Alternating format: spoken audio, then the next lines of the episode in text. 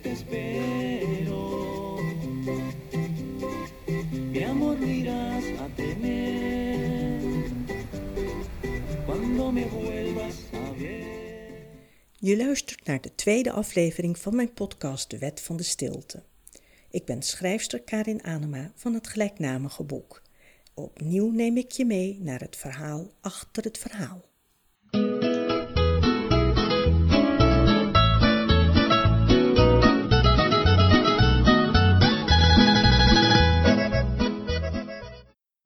Herinner je je Verlee uit de eerste aflevering van mijn podcast De Wet van de Stilte?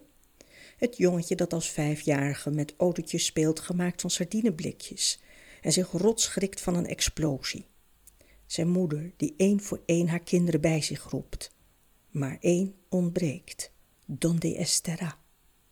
Ik ontmoet Verlee op het gure balkon van de Universiteit Los Andes.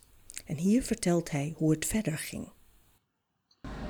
Una noche de terror, de desespero. No sabíamos qué hacer. Las balas pasaban por nuestras cabezas. Het werd een afschuwelijke nacht van wachten en van het lawaai van rondvliegende kogels. De volgende dag vonden ze zijn zusje met een kogel in het hoofd. Hij groeit verder op en als hij twaalf jaar is en aardappels aan het rooien is, komt er een groepje paramilitairen langs. Ze roepen zijn vader. No tienes la cuota para la causa, pero sí un elemento para la guerra. De para's eisen afpersingsgeld van zijn vader, maar die heeft geen rode cent. Dus pakken ze Verlee in zijn kraag. En ze zeggen tegen zijn vader: Als je geen geld hebt voor de strijd, dan hebben we hier un buen elemento voor de strijd. En zo gaat Verlee gedwongen bij de paramilitairen vechten, tot hij op een dag als 17-jarige deserteert en moet gaan reïntegreren in de maatschappij. Me he olvidado de llorar. He olvidado sentir amor. Solo el odio. Ik was verleerd te huilen. Ik was verleerd te voelen. Ik was verleerd wat liefde is. Ik voelde alleen maar haat. En na lange tijd werd hij herenigd met zijn moeder. No la conocía. Ella a mí tampoco. Me dijo, tú eres mi hijo. Yo le dije, y tú eres mi madre. Ben jij mijn zoon? vroeg ze en ze deinsde achteruit. Ben jij mijn moeder? dacht hij. Se, se- siempre se conozca la verdad y que siempre exista una historia para no volver a repetir, porque de eso se trata, de no repetir los sufrimientos de la guerra. Hij vindt het belangrijk dat we de waarheid vertellen, zodat de geschiedenis zich niet herhaalt en daarmee evenmin het lijden van de oorlog. Dus moeten we onze verhalen vertellen, zegt hij. Verhalen vertellen is mij ook op het lijf geschreven. Ik heb geprobeerd, al kostte me dat wel soms moeite, om naar de mens achter de vark, achter de para's, achter het leger te kijken. En naar de complexiteit van de mens. En ook naar de context waarin iemand opgroeit. En me dan voor te stellen dat ik het misschien ook had kunnen zijn. Ik kreeg de verhalen uiteraard niet op een presenteerblaadje aangereikt. Er is zoveel wantrouwen in de samenleving, dat zou onmogelijk zijn. Ik kwam terug om mensen zoals Verlee opnieuw op te zoeken, waardoor je een band opbouwt.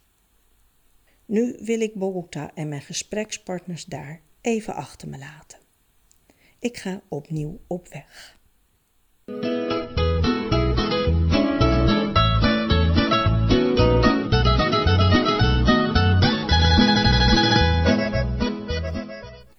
Op mijn verlanglijstje staat de Andes. Allereerst omdat het een oude liefde is.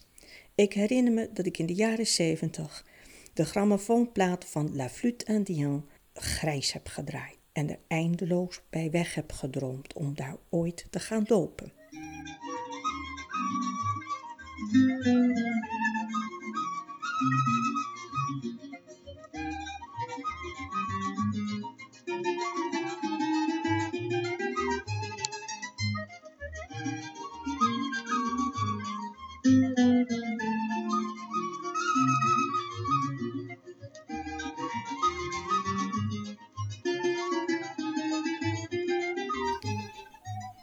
Was er zo gek van dat ik ze op mijn fluit zelfs naspeelde.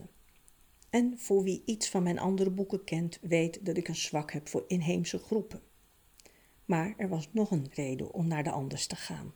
Nadat ik eerder in de conflictgebieden was geweest, zoals in de jungle van Meta, ook wel Varklandia genoemd, of zoals naar Cauca, om daar naar de kampen te gaan waar de oud-strijders verblijven om zich voor te bereiden op terugkeer in de maatschappij. En zoals de provincie Antioquia, een provincie die enorm heeft geleden onder het gewapende conflict, waar ik bijvoorbeeld de oud-VAR-commandant William heb gesproken uit mijn eerste aflevering van de podcast. Daarnaast wilde ik ook naar een enkel gebied wat relatief weinig heeft geleden onder de oorlog, waaraan eigenlijk het conflict min of meer voorbij is gegaan, want ook die zijn er in Colombia.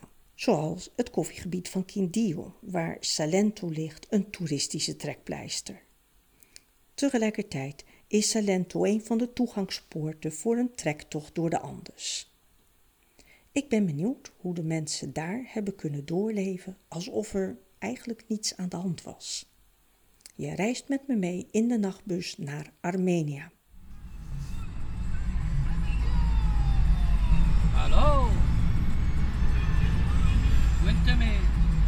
Maravilleta, onda ahora, mariquita. Bueno, la 500, ¿qué pasó? La 500 de la Torima. Y ahora que lo sabes, me hablas, me tratas con gran desdén. Mientras yo por ti siento fallecer. Y ahora que lo sabes, me hablas, me tratas con gran desdén. Mientras yo por ti siento fallecer.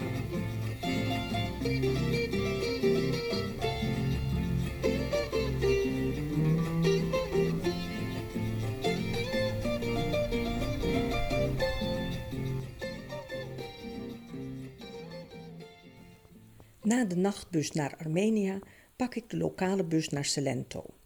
Dat ligt midden in het koffiegebied.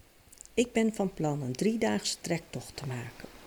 Van tevoren heb ik al gehoord dat er moeilijkheden zijn, want je schijnt er tot je kuiten toe in de modder weg te zakken door de regen van de afgelopen dagen.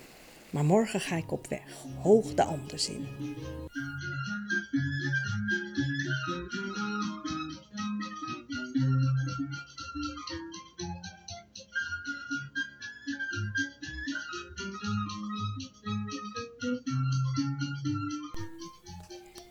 Dagen loop ik over de Paramo. Een paramo is een landschapstype dat doorgaans boven de 3500 meter voorkomt in de Andes. Het is uniek voor Colombia. Het bestaat uit hooglanden, rivieren, veen- en graslanden en moeras, begroeid met frailejones. En dat zijn spookachtige planten op hoge sokkels van afgestorven bladeren, met bovenin een roset van mintgroene, vlezige, sponsige bladeren. De volgende opname heb ik ter plekke opgenomen. Ik ben op weg van 3300 meter naar 4800 meter hoogte. Bij het stijgen neem ik jullie al hijgend mee. Inmiddels op 3300 meter, eh, waar de Paramo in volle glorie begint. Überhaupt is een paramo iets typisch voor Colombia. Ze komen verder alleen in Ecuador en Venezuela en nog een enkel ander land. Een wereld van stilte, van frailejones. Van kleine riviertjes en beekjes die naar beneden stromen. Want de Paramo is uiteindelijk niets anders dan een waterfabriek. Water. Daaraan heeft Colombia geen gebrek.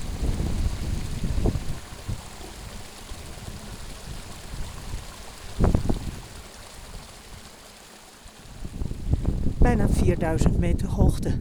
Zijn nog steeds te midden van de Frailejones die maar hoger worden.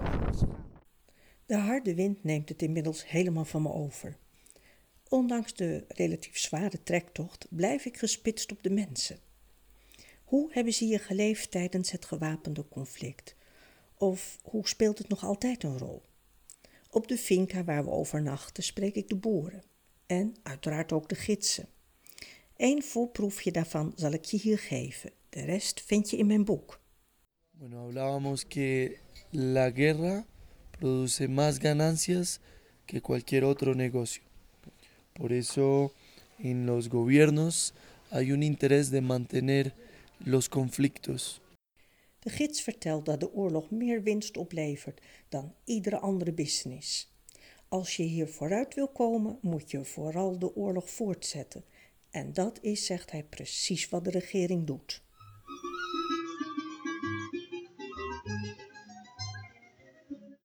En de moeilijkheden waar de gids het van tevoren over had gehad, namelijk de modder en de regen, blijkt ook wat genuanceerder te liggen. Er trekken hier namelijk nieuwe gewapende dissidentengroepen rond die we moeten zien te omzeilen. Maar voor de rest is het beneden in het koffiegebied in Salento super rustig.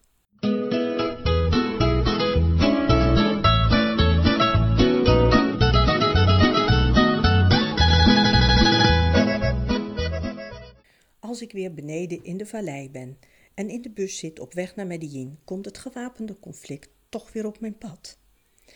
Ik zit naast een vriendelijke man van mijn leeftijd met een vriendelijke uitstraling en met bruine ogen. Mucho gusto, aangenaam, Alonso. Mi nombre es Alonso Jaramillo. We wisselen de eerste dingen uit, zoals de titel van mijn boek, De Wet van de Stilte. Maar niet veel meer dan dat, bang dat de passagiers achter ons iets zullen opvangen. Je moet je voorstellen dat je niet hardop in Colombia maar van alles kan vertellen.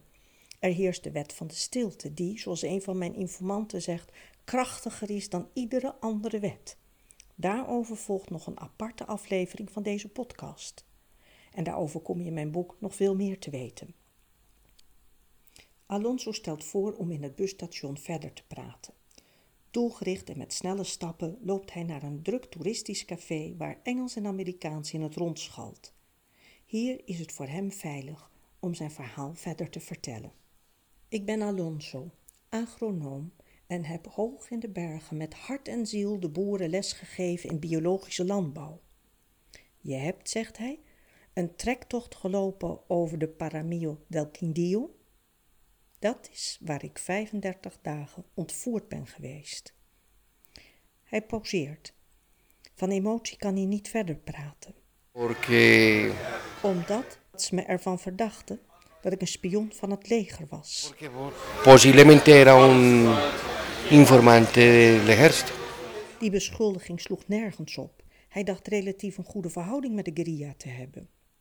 35 dagen werd hij vastgehouden in een hol op de Paramillo del Quindío waar ik de trektocht heb gelopen en waar het roetkoud was. De guerrilleros namen zijn sokken en schoenen af, zodat hij niet zou vluchten. Hij wist niet meer of het dag of nacht was. Eh, habían dos salidas. La salida era pagada o eh, muerte. En het was wachten, wachten. Er waren maar twee opties: betalen of de dood. Na zijn vrijlating volgden vier jaren van haat, haat, haat. Hij zegt dat de enige oplossing was te geven, te vergeven, te geven en te vergeven. En dat vond hij in lesgeven in de biologische landbouw, iets wat altijd zijn passie was geweest. Hij geeft nu les aan oud-strijders in de transitiekampen. Als hij lacht, is dat niet van vrolijkheid, maar van zenuwen. Ik vraag hem op dat moment hoe het was om weer thuis te keren. Con hambre. sin bañarme. con ropa que no era mía. eh, pero yo iba para mi casa. Met Joris van der Sant, de huidige projectleider voor Colombia bij Pax, en met Marianne Moor, die voor die tijd bij Colombia betrokken was, praat ik na over de impact die gijzelingen op de samenleving hebben. De meeste huwelijken stranden ook, hè, als iemand van een echtpaar ontvoerd wordt. eh, en dat is een langdurige zaak. Komen mensen zo, eh, er komen mensen zo anders uit dat het eh, ja, maar een paar huwelijken gegeven is om, eh, om het dan nog samen te redden. Eh, dat fenomeen van die ontvoeringen, dat is natuurlijk explosief gegroeid. Hè? Met name rond het jaar eh, 2000, dus 18 jaar geleden, waren er zo verschrikkelijk veel ontvoeringen dat mensen nauwelijks de stad meer uit durfden, behalve met het vliegtuig. Want mensen werden, werden gewoon auto's staande gehouden op de snelweg. Er werd gewoon gekeken van, eh, nou wie zou een, eh, een aantrekkelijke buit kunnen vormen. Dus mensen durfden op een gegeven moment niets meer. Maar iedereen handelde dat in alle stilte af. En juist door die stilte niet te verbreken, kon die, uh, konden die ontvoeringen uitgroeien tot een ware industrie. Mensen gingen gewoon verzekeringen afsluiten om het losgeld te kunnen betalen. Nou, toen de guerrilla daarvan uh, van op de hoogte raakte, gingen ze natuurlijk via bedrijfsspionage zien uit te vinden wie er een verzekering had. Want dan werd er helemaal heel erg makkelijk betaald. En jij, Joris, wat heb jij ervan gemerkt? Nou ja, een gijzeling, dat is ook een verschrikkelijke daad natuurlijk. Daar doe je niet alleen het slachtoffer direct uh, heel veel schade mee, maar ook de familie uh, net zoveel. En dat is verschrikkelijk en dat is ook op zeer grote schaal gebeurd. En dat, uh, daar kan ik ook mij niet echt in verplaatsen, nee. Dan ben je toch wel echt verblind door ja, ofwel geldbelustheid ofwel door ideologie.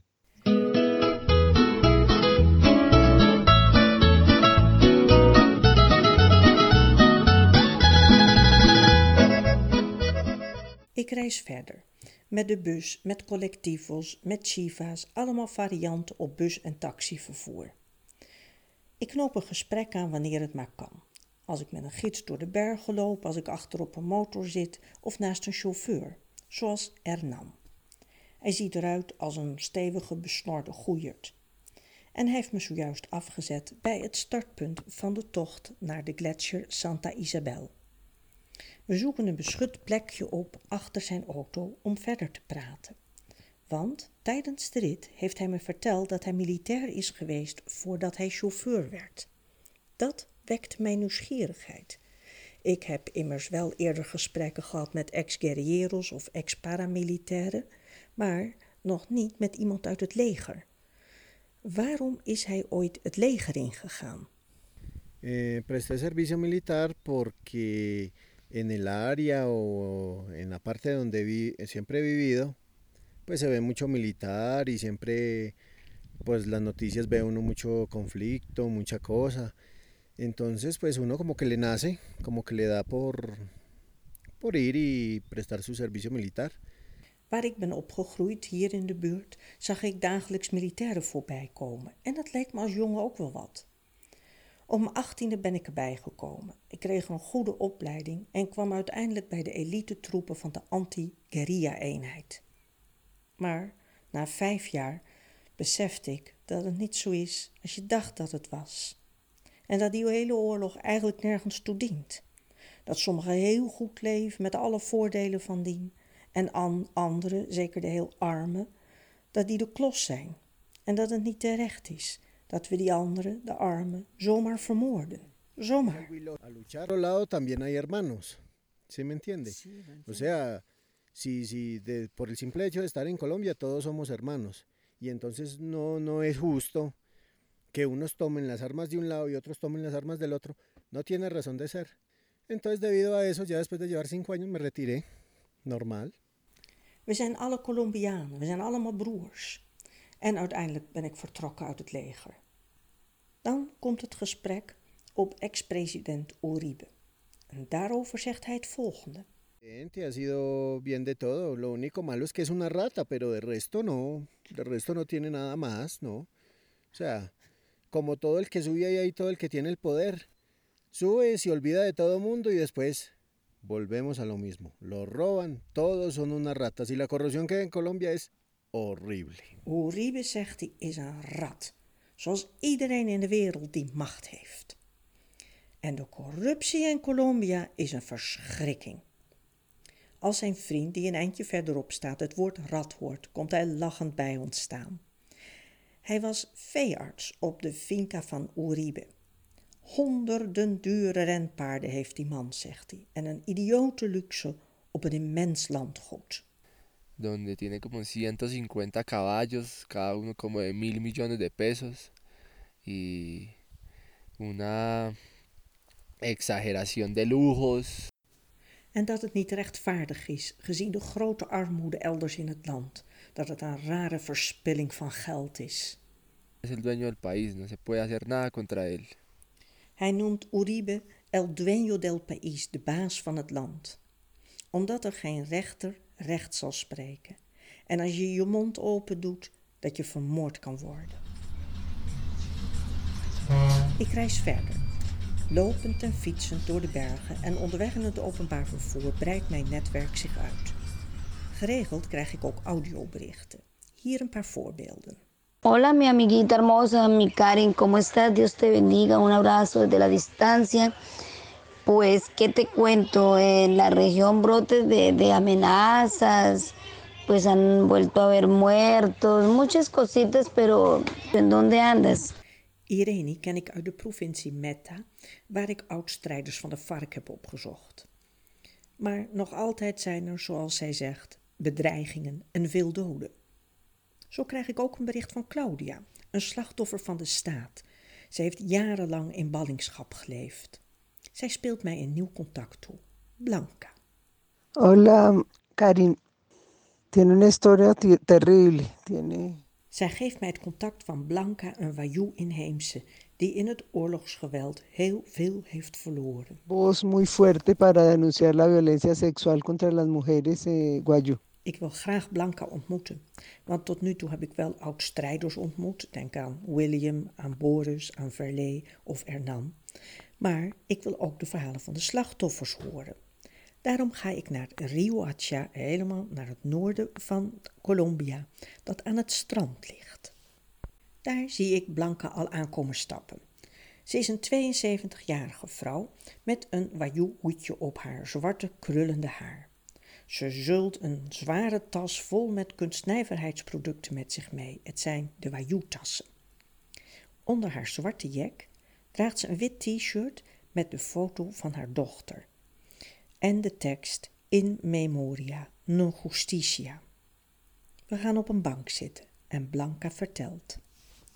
Que haya verdad, que haya justicia y que ellos confiesen y digan por qué lo hicieron, dónde lo hicieron. Ik wil dat de waarheid boven tafel komt, dat er rechtspraak is, dat de daders bekennen waarom ze deden, waar ze het deden en dat ze niet langer zwijgen. Mi corazón sangra todos los días. Es un dolor y no descansaré hasta saber por qué lo hicieron y dónde lo hicieron. Het is pijn in heel mijn lijf. Mijn hart bloedt. En ik zal niet rusten totdat ik het weet. Yo quisiera saber o encontrarme con los asesinos de mi hija. Ik wil de moordenaars van mijn dochter ontmoeten. En ik zal deze strijd nooit opgeven, al was het maar om een herhaling te voorkomen. Para encontrar la verdad, que haya justicia y garantía de no repetición. Blanca strijdt al twintig jaar lang om te voorkomen dat er nog meer slachtoffers vallen. Na mijn ontmoeting met Blanca trek ik me even terug en spreek het volgende audiobericht in. Bogota is vol lawaai. Ik heb me even teruggetrokken op een rustige plek die nauwelijks te vinden is. Een rustige muziek waar bijna geen mensen zijn. Ik probeer te verwerken wat ik net heb gehoord van Blanca. Hoe aangrijpend ik het vind. Hoe zij vertelt over haar dochter, gevonden na vier maanden in een massagraf. Met een opengesneden borstkas, misbruikt, gebroken ledematen. Hoe ze in een laken gewikkeld naar het dorp werd gebracht. En hoe haar man, een aantal maanden eerder, een sociaal leider was hij, door vijf kogels doorzeefd werd op klaarlichte dag op de markt. Blanca is niet het enige slachtoffer dat contact wil zoeken met de daders. De meeste van de slachtoffers willen dat. Ik praat met Marianne Moor over de achtergronden daarvan. Was omdat het voor slachtoffers heel belangrijk is om te begrijpen uh, waarom hun kind of hun man of hun dochter overleden is. Ze willen weten welke logica erachter zat. Ze willen ook weten of er een, een economische logica achter zit. Bijvoorbeeld uh, dat, dat er bepaalde mensen vermoord moesten worden, zodat iedereen ontheemd zou raken en het land uh, in beslag zou worden kunnen genomen. Maar ze willen ook hele concrete dingen weten, als waarom stond mijn kind dan op de lijst? En waarom niet het kind van de buren? En waar ligt mijn kind begraven? Ja, dat is Zodat natuurlijk ook heel erg belangrijk. Hè, voor, ook voor het verwerkingsproces van de slachtoffers. Dat de overblijfselen gevonden worden. En dat is ontzettend moeilijk als er 10, 15 jaar tussen zit. vaak vinden er dan ook zoektochten plaats die op niets uitlopen, wat een enorme teleurstelling is voor de, voor de familieleden. En soms uh, worden er dan ook massagraven gevonden.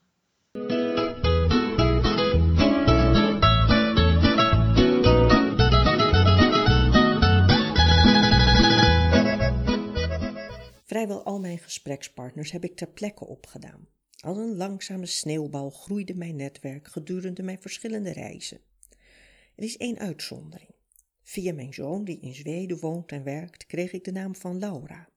Hij had binnen zijn werk over haar gehoord. Misschien, zei hij, was het de moeite waard haar te ontmoeten. Ik maak een afspraak met haar in Bogota. Zij heeft de locatie uitgezocht, een trendy café met een westerse uitstraling. Daar komt ze aan, een mooie jonge vrouw uit de hogere klasse. Als kind van elf jaar is ze zeven maanden ontvoerd geweest door de vark. El perdón no es algo que uno logra de un día para otro. Ze vergaf haar gijzelaars niet van de een op de andere dag. Dat was een lang proces. Ze vertelt dat ze in het begin vooral heel boos was en erg heimwee naar huis. El tiempo y en la medida que empecé a socializar un poco más con los guerrilleros y a conocer sus historias de vida. op een gegeven moment gaat ze relaties opbouwen met de guerrilleros. Ze willen hun verhalen horen. Er gaat een wereld voor haar open die zij niet kent. Haar ouders houden van haar. Ze krijgt een zeer goede opleiding. Pues había vivido una vida al lado de una familia que me quería, que me cuidaba, dulce, con muchas oportunidades, con una buena educación. En terwijl ze naar de guerrilleros luistert, beseft ze dat die nooit naar school zijn gegaan, dat ze vaak gedwongen verhuisd zijn, dat ze veel familieleden verloren hebben en dat ze niet zo makkelijk kunnen terugkeren naar huis. Porque creo que eso es universal en Colombia, estamos todos los colombianos en contra de las FARC, pero sí tenemos que apoyar a los desmovilizados. Ook al beseft ze dat Colombianen, inclusief zijzelf, inmiddels tegen de FARC is, ze wil ze, nu ze gedemobiliseerd zijn, graag helpen. Ooit hebben ze een slechte beslissing in hun leven genomen, maar ze verdienen een tweede kans. Want nu worden ze door de samenleving wel heel erg gestigmatiseerd. In mijn boek De Wet van de Stilte, hoofdstuk 14, getiteld Papa geef je grond maar aan de armen, lees je het hele aangrijpende verhaal van Laura. Tijd om weer een meer toeristische trail op te pakken. Ik moet me er bijna toe dwingen, want de verhalen van de Colombianen laten me bijna niet los. Goed, de bus weer in. Ik stap uit, zoek een hostel en word aangeklampt. In het Spaans met een Engels woord erin. Ik weet bijna niet wat ik hoor. Ik kan het niet geloven.